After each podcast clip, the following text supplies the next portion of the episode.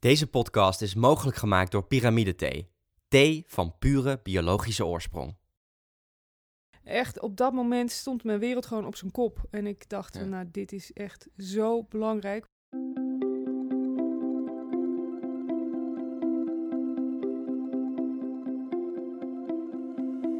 Dit is Het Groene Hart van. De podcast van Happiness and Growth Thinkers, waarin we op zoek gaan naar het groene hart van onze gasten. Een gesprek tussen Jelle Derks en Babette Porcelein, auteur van het boek De Verborgen Impact. Een gesprek over eco-positief leven, of duurzaam leven haar ook gelukkiger heeft gemaakt als mens, en wanneer ze last heeft van ecorexia. En wat is dat eigenlijk? Ik zit hier met Babette Porcelein op de Happiness redactie. Babette, welkom. Dank je, dank je. Eh, voor me ligt jouw boek, waar ik heel blij mee ben, wat ik iedereen cadeau zou willen doen. De verborgen impact, alles voor een eco-positief leven. Kun je dat even uitleggen? Eco-positief leven, wat is dat? ja, dat is een goede vraag. Ehm dankjewel trouwens. Leuk om hier te zijn. Ja. Ehm, ecopositief leven, dat wil zoveel zeggen als ehm, dat je meer positieve en herstellende impact hebt op het ecosysteem dan dat je eh, schade toebrengt door je eh, leven als consument. Of je keuzes als consument. Ehm, en het past in een model wat ik heb bedacht van, eh, van drie stappen. Het eerste stap is duurzaam. Ja. En toen ik bezig was met mijn onderzoek, toen liep ik daar ook zelf heel erg tegenaan. Van wat is nou duurzaam? Hè? Wanneer ben ik nou goed genoeg bezig? En zit daar wel een einde aan? Of moet ik eindeloos door minimaliseren tot ik gewoon geen leven meer heb? Weet je, dat kan toch niet de bedoeling zijn? En toen, nee, dus ik liep daar echt ecorexia van op. Dat was heel naar. Ja. En, ehm, eh, maar toen bedacht ik me dit. Van, eh, ik had namelijk ge- ehm, gelezen dat we leven in Nederland. Als de hele wereld zo zou leven als wij hier, dan hebben we 3,6 aardes nodig. ja, die hebben we niet. Die hebben we niet. Maar we hebben er wel één. Dus als we nou eens eerst binnen de draagkracht van die ene planeet gaan leven. Dat is dus terug naar de impact ongeveer van een, eh, een kwart van de impact van de gemiddelde Nederlander. Mhm. Dan zitten we eigenlijk in de safe zone. Ja. Dus dat is duurzaam, want dat is namelijk vol te houden op lange termijn. Dat is gewoon wat duurzaam betekent. Ja. Dus vol te houden op lange termijn. Dus dat is één, stap één. Moeten we sowieso gaan doen als we de wereld eh, leefbaar willen houden. Voor komende generaties ook. En voor ons eigen, eh, nou, de komende 30 jaar eh, Ja. is daar, bepa- wordt, wordt het, worden de kaarten gelegd. Ik, wil, ik wil dat ook heel graag. Dat voel ik ook. Dat, dat Ja. ik mijn, ja, mijn kleinkinderen en Ja. ook die hele mooie aarde wil geven zoals Ja. ik hem ken. Ja. Ja, nou sterker nog, het, het gaat echt over. on- we gaan het zelf allemaal meemaken nog. Eh, het, het wordt gewoon beslist nu de komende tijd. En dat doen we zelf. Nou goed, anyways. Dus dat is level 1, is duurzaam. Mhm. Eh, dan level 2 noem ik eco-neutraal. En niet CO2-neutraal of energie-neutraal. Omdat ik dus naar meer kijk dan alleen klimaateffecten. Ik neem alle soorten impacts op het milieu mee. Dus daarom heet het ook eco-neutraal. En dat wil zoveel zeggen als dat je je impact als consument kan compenseren. Eh, bijvoorbeeld als je naar Bali vliegt en terug, dan kun je dat compenseren door duizend bomen te planten. Dus dat is eigenlijk de, de milieuschade die je toebrengt. En die kun je. Ja, ik, ik, op zich ben ik niet zo heel erg fan van compensatie. Ehm, maar op zich hebben we wel heel veel meer natuur nodig. Dus op zich is dat wel goed om gewoon wel natuur te gaan maken. Mhm. En, maar de eerste stap is altijd impact verlagen. En misschien gewoon toch maar niet naar Bali vliegen. Of in ieder geval niet ieder jaar. Ehm, maar goed, dat, dat laat ik aan ieder voor zich eh, om daar keuzes in te maken natuurlijk. Mhm. En dan stap nummer drie is eco-positief. En dat wil zoveel zeggen als dat je dus meer eh, herstellende, positieve, eh, opbouwende impact hebt. Dus bijdraagt aan een duurzame maatschappij. Dus iets wat groter is dan jezelf. Eh, dan dat je impact, negatieve impact hebt als consument. Dus bijvoorbeeld mensen die zich inzetten in hun werk voor ehm, eh, duurzame energie. Of die zich bezighouden met het opruimen van vervuiling.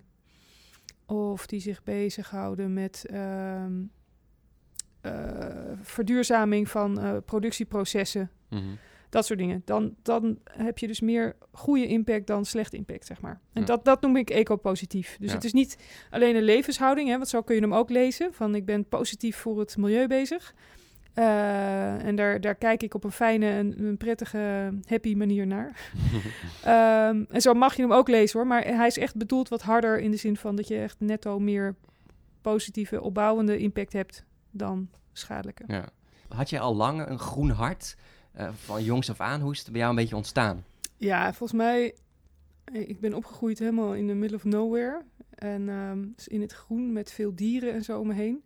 En dat was voor mij heel vanzelfsprekend. Ja. Um, en ik had altijd wel, weet je, volgens mij heeft ieder kind wel dat hij van dieren houdt en zo, weet je wel. Mm. Dat je daar, dat je dat fijn vindt en, uh, en, ja. en uh, dat je van natuur houdt. En, um, maar op een gegeven moment las ik het boek uh, Kinderen van Moeder Aarde. Dat vond ik eigenlijk, heeft, was dat het eerste moment dat ik me echt realiseerde dat we nou, dat er zoiets bestaat als milieuschade of zo. En dat je er ook op een andere manier mee om kan gaan. Mm. Dus was ik echt heel erg jong. En uh, dat is altijd wel een, een, deel van mij gebleven of zo, maar het sluimerde een beetje. Okay. En uh, ik heb wel een paar keer geprobeerd in mijn carrière of, of bij, bij, uh, in mijn tijd bij bureaus om daar ook projecten op te zetten rondom milieu. Maar dat, dat had er geen voedingsbodem. En, uh, en toen begon ik voor mezelf. En toen was ik ook nog steeds, en ik ook nog steeds wel een plannetje van... kan ik niet een uh, tentoonstelling maken over milieu of een reizende tentoonstelling? Iets, ik wil daar wel iets mee, maar het kwam er nooit van. Want ik was gewoon heel erg druk met commerciële klussen. Ja. En toen was er een, uh, een, um, op een koude zondagmiddag, begin 2014... Ik zat ik op de bank met mijn man. En de kinderen waren weg, die waren uit logeren of zo. En, um, en hij had een aantal dingen uitgezocht uh, over het milieu. Hij is ook ontwerper, maar hij was gewoon nieuwsgierig.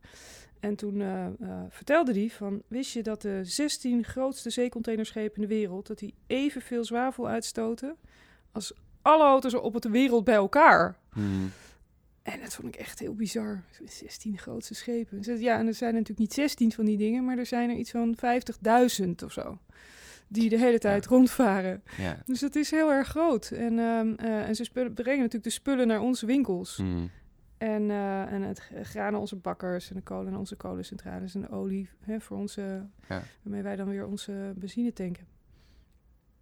En uh, nou, ik schrok daar wel van. En hij had ook berekeningen gemaakt over ontbossing. En hij zegt er, er verdwijnen per dag 27 miljoen bomen meer dan erbij komen.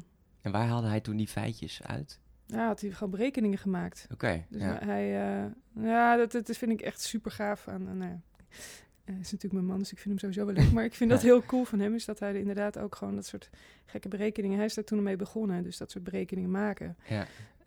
Um, maar dit, dit cijfer komt uit um, een, een cijfer van Nature, een artikel... dat er per jaar 15 miljard bomen verdwijnen.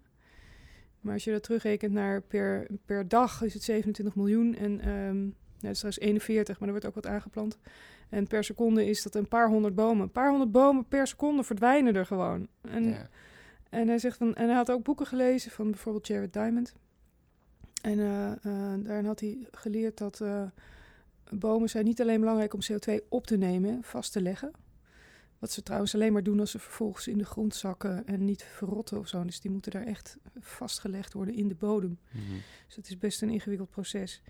Um, maar uh, uh, ze hebben ook een enorme uh, koelkracht. Dus één boom is, heeft evenveel koelkracht als tien airco's. Dat, dat, voel je ook, hè? Als je onder een boom doorloopt ja. in de hitte, dan voel je dat het daar gewoon koeler is. Ja, en dat als je is ook echt loopt, zo. Dat, ja, en ook de, de ja. geur die je, of de, die lucht die je inhoudt. Dat vind ik altijd zo lekker dat je dan in de, in, de, natuur bent en dan echt denk, dat die lucht die je zo ja, lang een hele rijke inademen. lucht. Ja, ja, ja is en... echt heel fijn. Maar, maar goed, in ieder geval dat, dat moment ja, was bomen, dan mijn moment. De, de, toen die middag op de bank, toen hij vertelde nog veel meer. Liet allemaal plaatjes zien van uh, uh, voorspellingen van de Club van Rome. Dat we in 2030 uh, een soort van crash krijgen van, van, van het hele systeem wereldwijd. En dat, mm. dat, dat alles aan spaak gaat lopen, weet je wel. Um, aantal scenario's van, uh, van klimaatverandering, wat dat allemaal teweeg gaat brengen. En nou, ik, echt op dat moment stond mijn wereld gewoon op zijn kop. En ik dacht, ja. nou, dit is echt zo belangrijk, want dit ondermijnt alles. En uh, hier moeten we gewoon wat gaan doen. Ja. Dit, ik, hier, moet ik wat aan, hier wil ik wat aan doen. En ja. ik voelde dat zo sterk opkomen. En dat is ook niet meer gestopt sindsdien. Ik, ik voel echt nou, iedere avond als ik ga slapen, iedere ochtend als ik opsta, voel ik die drive van ik, ik wil dit, eh, ik wil dit eh, fixen, ik wil hier wat aan doen. Dit, dit, dit is eh, te belangrijk, dit kunnen we gewoon niet laten liggen. Kun je soms ook er niet van slapen, dat je wakker ligt? Nou, dat is meer van de stress.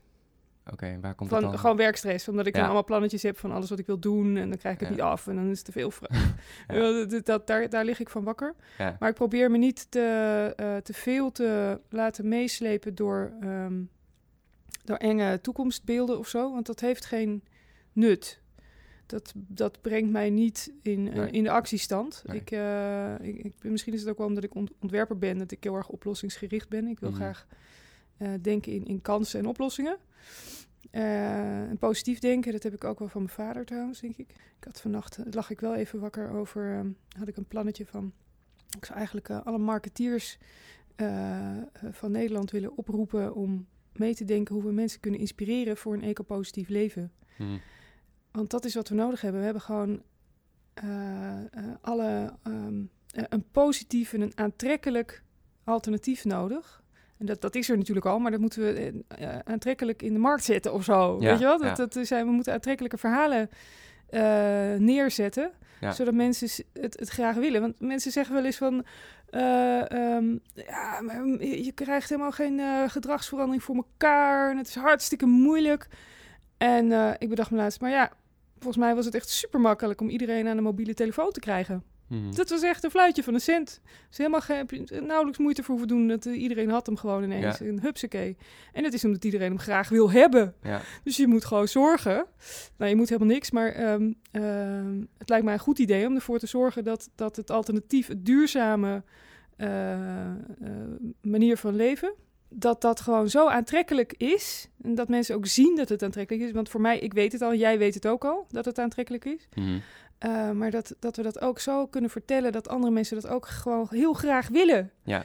En, uh, um, want niemand gaat iets doen waar hij geen zin in heeft, volgens mij. Dat, dat is gewoon nou, Klopt, kansloos. Dus dat, dat, Ja. dat, dat is niet de weg, volgens mij. Ja, dus die- ik zit heel erg in die positieve sfeer.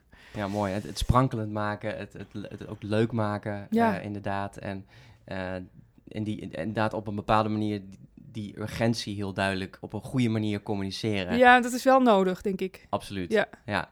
Ben je er ook blijer van geworden van het hele duurzame, duurzamer leven? Is het, heeft het jou ook echt iets gebracht? Uh, ja, zeker, zeker. ik, ik, ehm, uh, mijn leven is er echt, het is echt een verrijking voor me. Als ik terugkijk naar hoe het vroeger was en hoe het nu is, ik hou heel veel geld over. Ja. Want we hebben de auto weggedaan, dus ik hou echt heel veel geld over. Onder andere hoor, dus mijn hele leefstijl is, uh, is gewoon een stuk goedkoper. Ja. Maar uh, ik hou ook geld over om uh, me in te zetten voor projecten die misschien niet zoveel geld opbrengen. Weet je, ik kan gewoon in acht maanden mijn studio op slot doen en een boek gaan maken. Mm Ik heb een eigen ontwerpstudio, ik ben eigen baas, dus uh, ZZP'er. Dus, um, dus ik, ik kan dat helemaal zelf indelen, maar ik kan het ook gewoon fysiek doen. Ik, ik doe gewoon mijn deur op slot en ik zeg, ik ben er even niet. Uh, omdat ik gewoon zo, niet zoveel geld nodig heb. En dat is echt heel erg, het geeft gewoon vrijheid en dat vind ik te gek. Ja. Uh, nou, ik ben gezonder, ik ben fitter. Um, het is goed voor de lijn en dat vind ik heel fijn, want ik kom heel makkelijk aan. Uh, ik vlieg niet meer. Tenzij ik inderdaad gevraagd word voor een, bijvoorbeeld een optreden in Sao Paulo. Ja. En toen kreeg ik, ik kreeg inderdaad een mailtje daarvan. En toen dacht ik, haha, nee natuurlijk niet, want ik kan er niet komen, want ik vlieg niet meer. En toen ging ik, ging ik met die mensen praten van ja, maar we gaan allemaal afspraken met je, uh, voor je maken. Met grote bedrijven. En we gaan, uh, je mag meejureren voor de, voor de Climate Action Challenge. En uh, dan ontmoet je allemaal te gekke mensen. En, ja. Heel goed je staat je op het hoofdpodium. Ja, hoofdpodium. Ja. En, en, uh, en we gaan afspraken maken met uh, uitgeverijen Mhm. in Brazilië. Ja. Dus uiteindelijk dacht ik van als ik niet ga, volgens mij krijg ik, is dat gewoon ecorexia. Want volgens mij ga ik daar gewoon meer goed mee, goed mee doen dan, dan Ja. dat ik er uh, schade mee toebreng. Aan Leg het- die nog even een keer goed uit, ecorexia. Ja, ja, dat is dat je doorslaat en gewoon helemaal niks meer mag. Dat je jezelf enorm belemmert in je functioneren. Ja. En dan ben je echt, uh, nou, het is, het is, gewoon als, als een anorexia die, die niks kan eten. een ecorexia die niks meer kan doen, omdat je Ja. bang bent dat je het milieu kapot maakt. Ja. En, En dat, daar dat dan gaat gewoon te ver. En daar je er ook ellendig bij voelen. Een soort van eh, jezelf eh, op compulsive, eh, dwing, dwangmatig. Ja. eh, eh, daar zo ontzettend eh, fanatiek mee bezig dat je gewoon niet meer fatsoenlijk kan functioneren. Dus voor mij ligt de grens bij eh, dat het me niet moet belemmeren in hoe ik functioneer. Alhoewel ik wel heel veel bereid ben om anders te gaan doen en om eh, dingen uit te proberen. Maar als je echt doorslaat en, en, eh, en daar, daar dwangmatig en echt fanatiek en fundamentalistisch in wordt, dat noem ik ecorexia. en dat is gewoon, ja, dat is een plek waar ik niet wil zijn. Nee. Dus uiteindelijk heb ik besloten om dan die vlucht wel te maken. En achteraf was het echt dubbel en dwars waard. Ik had een stapel boeken mee. was binnen een paar uur uitverkocht. Mensen waren super enthousiast. Ja. Heel veel vragen van eh, wil, je, eh, wil je het boek vertalen? Maar ik heb ook op, eh, op de grootste nationale televisiezender eh, ben ik geweest. Uitzending. En eh, BBC, Brazil, headlines. En nou, echt gewoon zo ontzettend goede exposure gehad daar. Dus dat is gewoon een eco-positieve reis. Ik las wel dat ze bezig zijn nu hè, met elektrische motors in vliegtuigen. Ja. Eh, de- eh, ik weet niet of je het gelezen hebt. Nou ja, ja, Ja. er zijn wel dingen gaande. Maar... Krabt aan je neus. Ja. ja. Ja, Ja. ik vind dit wel, dat, dat hele vliegen vind ik een heel moeilijk onderwerp, omdat ik ook zo graag reis. Maar wat, eh, mag ik wat zeggen daarover? Absoluut. Reizen graag. is niet hetzelfde als in een vliegtuig zitten. Nee, klopt. Kan Ja. ook met de trein. En, Nou ja, eh, dan, sterker nog, dan reis je pas echt. Want bij, bij vliegen sla je de hele reis over. en het is echt super jammer. ja, Ja. ja, ja, ja. En wij, wij doen eh, eh, met, met ons gezin fietsvakanties en wandelvakanties en zo. Het is echt trektochten maken. En dan, ben je, dan is het reis, de, de weg is de herberg. En de, de reis is het doel op zich. En, eh, en dat is volgens mij, ja, eerst dacht ik van, oh, ik reis niet, want ik vlieg niet. En dan dacht ik van, wacht even, nee, het is precies andersom. Mhm. Ik vlieg niet, dus ik reis. Ehm, dus weet je, ook daar denk ik van, eh, ehm, we vinden het vliegen heel aantrekkelijk. Maar volgens mij is het reizen zelf juist heel aantrekkelijk. En is Ja. het gewoon een ander verhaal wat we kunnen vertellen over Ja. reizen ook.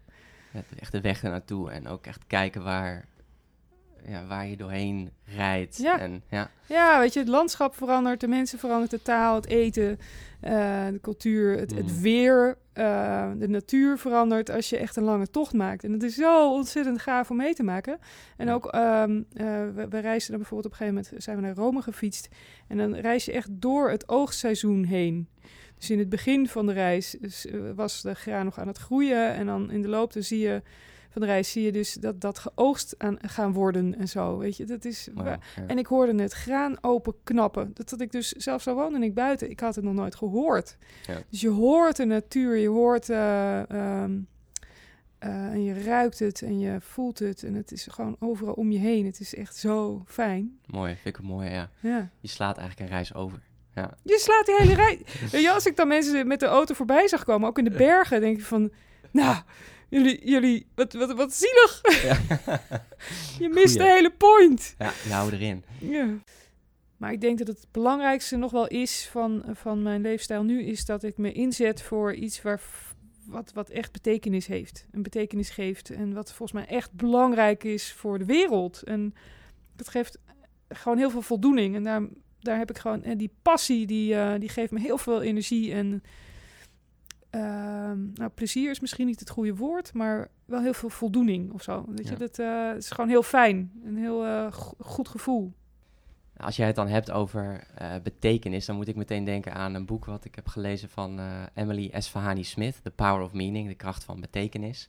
En ja, volgens haar, volgens Emily Esfahani Smith, komt geluk ook voort uit betekenis. Dus, hè, eh, Ja. eh, dus ook een man, Victor. Maar dus, dus niet eh, eh, uit je nieuwste iPhone. Nee, nee, want dat, Ja, is, eh, dat is toch meer de, de dopamine, hè? De, de korte dopaminestootjes die wij dus krijgen van het Ja. kopen. Die we dus ook krijgen als we een Instagram-like erbij hebben. ja, precies. Maar ook eh, dat het zo gewoon is. Het is zo gewoon en normaal om in het weekend lekker gezellig te gaan shoppen. En het hoort er gewoon bij. Ja. Het, is, eh, het is part of eh, de economie Ja. die, die oneindig moet groeien. Ja. En, ik, eh, zeg dus, wel eens, ik zeg wel eens dat, dat als je op je sterfbed eh, eh, ligt, dan dan eh, hoop ik niet dat ik terugdenk aan mijn leven van, oh, ik heb een goed leven gehad. Want ik had in 2011 had ik de nieuwste 2G. of eh, Ja. eh, ik denk ook niet dat er mensen op hun sterfbed liggen van, ha, was ik nou toch wel meer op mijn werk geweest, eh, meer op kantoor gezeten. Klopt, ja. En wat ik ook wel heb geleerd, dat als ik terugkijk naar ja, wel- welke spullen zijn voor mij nou van belang, dat zijn toch spullen waar een ervaring aan is gekoppeld. Je hebt het over eh, fietsen met je, met je kinderen. Ja. Ik weet zeker dat jouw kinderen later terugdenken aan die fietsvakanties. Ja. Want dat, daar, daar, daar maakte je contact met de natuur. Daar was je echt bezig met ja, en met elkaar. ja. En eh, veel meer, eh, ja, uiteindelijk veel meer, als we het dan hebben over een andere impact, emotionele impact op een mens. eh, een ervaring staat voor mij ook veel hoger dan, dan spullen. Ja, tuurlijk. Ja. Ja, tuurlijk. ja. Dus ja, welk, welk, vertelt dit een verhaal over mijn leven? En ehm, dient dit, dit product, dient dit op het leven wat ik wil leven? Hè, een laptop bijvoorbeeld. Ja, ik weet nu ook door jouw boek dat mijn laptop, dat heel veel koper, dat er allemaal eh, stoffen in zitten die allemaal gedelft moesten worden. Ja, Ergens aan de andere kant van de wereld. Dat dat vervuilend is geweest. Ja. Dat deze laptop eh, is getransporteerd van de andere kant van de wereld naar hier. In Ja. een van die zeecontainers die eh, enorm veel hebben uitgestoten. En toen kwam het bij mij terecht. Nou, ik koop het. en ik was me niet eens van bewust van hoe vervuilend die laptop eigenlijk al was. Voordat ik hem überhaupt in huis voordat hij haalde. aan de Ja. stekker ging. Ja. Daar heb je mij ook bewust, eh, bewust van gemaakt. En, eh, maar toch is die, die laptop heel belangrijk voor mij, want daarmee kan ik eh, teksten publiceren Precies. op het internet. Dus het dient mij, want als je alleen maar kijkt naar ja, wat is functioneel, dan wordt het allemaal wel heel functioneel. Maar ook welke spullen halen voor mij het optimale uit mijn leven? Ja. En hoe kan ik binnen die spullen omhoog in kwaliteit en in duurzaamheid? Ja, precies. Want soms heb je gewoon spullen nodig om je eco-positieve slagkracht te vergroten. Dus kan ik, ik kan ook niet zonder laptop. Precies. Dus, Ja, eh, maar ik zal dan wel eh, eh, kijken of ik een refurbished kan kopen of zo. Ja. Dus je kan dan, daarbinnen heb je wel weer keus. Waar ik ook nog wel benieuwd naar ben, is... Je hebt natuurlijk twee kinderen. Daar heb je het boek ook voor geschreven, volgens mij, hè? ja, Ja. ja. Raffi en Dilia. Tilia. Ja. Ehm, hoe neem je hun mee in dat duurzamere leven? Daar ben ik wel benieuwd naar. Nou ja, ze wonen natuurlijk gewoon bij ons thuis. Dus eh, voor een deel is het gewoon dat ze meelopen in de, in de flow. En voor Ja. de rest... ehm, Lead by example eigenlijk al. Dus jullie, ja, je laat Ja, eh, leef het voorbeeld al voor. Ja, dat Ja. sowieso. Maar ehm, ik probeer ze ook vooral zelf vrij te laten. En ze niks op te leggen. Dus ze mogen ook zelf, eh, als ze vlees willen eten, moeten ze dat vooral doen. En ehm, eh, als ze met hun zakgeld eh, ehm, Lego willen kopen of zo, of, of kle- kleren willen kopen, dan laat ik ze dat wel doen. Ik denk namelijk dat als ik ze dat zou verbieden of zo, Mhm. dat ze dan opgroeien tot mensen die ontzettend wil, willen consumeren. ja, ja. Dus dat wat je ja, en- onderdrukt komt er op een gegeven Nou, moment weer uit. Ja. Precies, dat, dat, dat komt natuurlijk tegenovergesteld Ja, keihard ja, uit. En dan in, in extra grote maat. Maar sowieso vind ik het, vind ik het eh, eh, niet fijn om mensen te vertellen wat ze wel en niet moeten doen. Nee. Ik hoop ze te inspireren. En dat eh, geldt ook voor mijn eigen kinderen. Ja. Dus ik, ik hoop gewoon dat ze, dat ze het gaaf vinden als ze later groot zijn wat, wat ik heb gedaan of wat ik doe. En, en dat het ze inspireert om, om, om daar zelf ook mee aan de gang te gaan. Of in ieder geval om duurzaam te leven. Dat, eh, dat hoop je dan. Maar ik kan het ze niet opleggen, dus dat doe ik ook zeker niet. Nee. Nee, en als ze vragen hebben, dan beantwoord ik ze. Maar ik ga ze ook niet de hele tijd eh, allemaal dingen ongevraagd vertellen en zo, weet je wel. Dat, eh, Nee. En ik probeer ze ook een beetje te behoeden voor de, de, de horrorscenario's. Dus eh, de akelige verhalen van, hè, waar we eigenlijk op afstevenen. Want het is gewoon een heel naar verhaal. En ik heb wel eens een filmpje gezien van een, een jongetje van zes wat zat te huilen. Wat was het ook alweer? Die zat te huilen in de auto omdat, eh, omdat mensen zo ontzettend slechte mensen zijn dat ze vlees eten. Waarom doen ze dat eigenlijk? Ja, Want dan maakt de wereld kapot of zo, weet je. Nou, Ja. dat, dat wil ik mijn kinderen gewoon niet aandoen. nee. We hadden het net over, bij de lift eh, hier naar boven, naar de redactie, hadden we het even over dat je met een tweede boek bezig bent. En daar ben ik wel heel benieuwd naar. Kun je daar al iets over zeggen? ja, ja, ja, Ja. ja, want eh, ik heb nu met de verborgen impact heb ik uitgezocht ehm, wat er eh, eigenlijk misgaat, hè, wat, eh, wat, wat we niet zouden moeten doen. Mhm. En ik heb al geprobeerd een beetje een voorzet te doen. En het staat natuurlijk vol met allemaal tips van wat we dan wel kunnen doen. Maar ik wil nog veel beter, meer grip krijgen op, op wat, we, wat, we dan, wat dan wel Ja, mooi. En eh, daarom wil ik een boek gaan maken en dan wil ik onderzoeken hoe de wereld er in 2050 uitziet als we vanaf vandaag alles goed gaan doen. en ik wil daar een, een realistisch beeld van maken. Ik wil eh, onderzoek doen naar zo'n beetje alles. Dus ik wil heel veel experts gaan spreken, professoren en eh, eh, futurologen en, en economen. En ehm, eh, nou, eigenlijk van allerlei vakgebieden. En natuurlijk ook milieumensen. Ehm, de United Nations met Sustainable, Sustainable Development Goals ga ik erbij betrekken. Nou, noem maar op. Heel breed wordt dat. En, eh, en uiteindelijk wil ik dat gewoon terugbrengen naar... Oké, en wat? Hoe ziet dat er dan uit in mijn dagelijks leven? Hoe wordt dat concreet? Ja. Dus eh, ook weer heel hoog over. En dan vervolgens terugbrengen naar... En wat kan ik nu gaan doen? Mooi. En, ehm, en dat lijkt me heel tof, want ehm, eh, volgens mij wat we nodig hebben is een, een aantrekkelijk Model. toekomstbeeld. Ja, beeld, ja. Waar je graag naartoe wil gaan.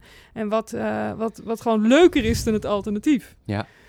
Ehm, en volgens mij helpt het om, om gewoon een gemeenschappelijke stip aan de horizon te hebben. En ik denk dat we die, nee, dat is voor mij de, de next level. Dat is volgens mij wat we nu nodig hebben. Een, een aantrekkelijke, fijne, positieve stip aan de horizon. Met heel erg concrete handelingsperspectief. Van wat kan ik nu, morgen, vandaag, morgen, volgend jaar gaan doen?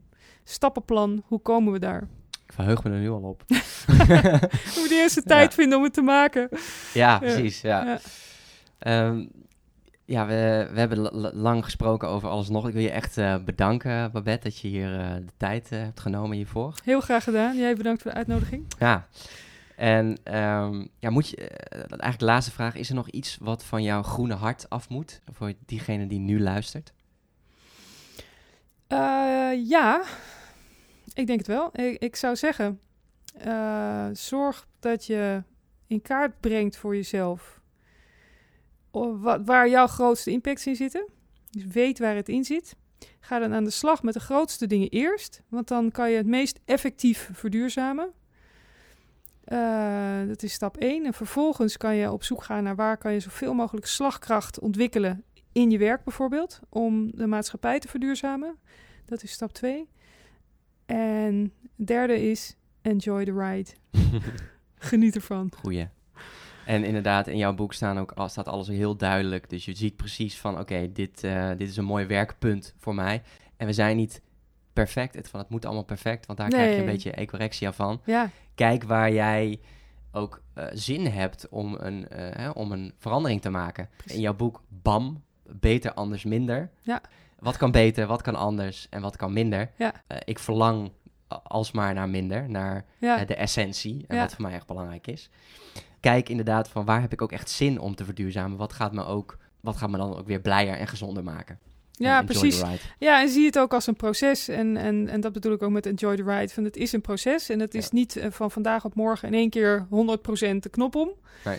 Ehm, maar het is ook fijn om jezelf dat te gunnen, om daar de tijd voor te nemen en om te ontdekken wat wel werkt en wat niet werkt. En dus gewoon wat dingetjes uit te proberen van eh, bevalt me dit? En, Mm. en zit hier voor mij de energie en, eh, en eh, heb ik hier zin in? Ja. Weet je, word ik hier blij van? Zit daar die passie? Die, zit daar die passie. En ik, ik had laatst iemand, die, een buurman op mijn werk, mijn studio, die, ehm, die hield erg van vlees eten. Die had mijn boek gelezen en die zegt, ik ben eens gestopt met vlees.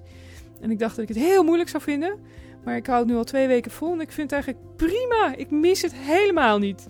Dus dat was voor hem echt een eye-opener van, wauw, ik, ik hoef dat helemaal niet. Nee, Dus dat is, nou, voor hem was dat een hele stap. En het bleek gewoon heel erg fijn te Ja. zijn. Dus dat, dat soort dingen, probeer het gewoon eens een poosje. En kijk dan hoe het bevalt. En vind je het helemaal niks, dan, dan zoek je weer een andere modus. ja. En ieder zo, he- heeft zo zijn eigen zoektocht. Ja. En, en volgens mij is het het leukst om te genieten van die zoektocht. En om daar de lol van in te zien. ja. Ook hier, de weg is de herberg. Ja, Nogmaals dank. En eh, ik hoop je heel snel weer te zien. zeker weten. Gaan we doen. Dankjewel. Tof. Dit was het Groene Hart van Babette Porselein. Ben je benieuwd naar alle links van dingen die we hebben besproken in de podcast? Ga dan naar happiness.nl slash het groene hart. Happiness.nl met een z slash het groene hart. Deze podcast is mogelijk gemaakt door Pyramide Thee. Thee van pure biologische oorsprong.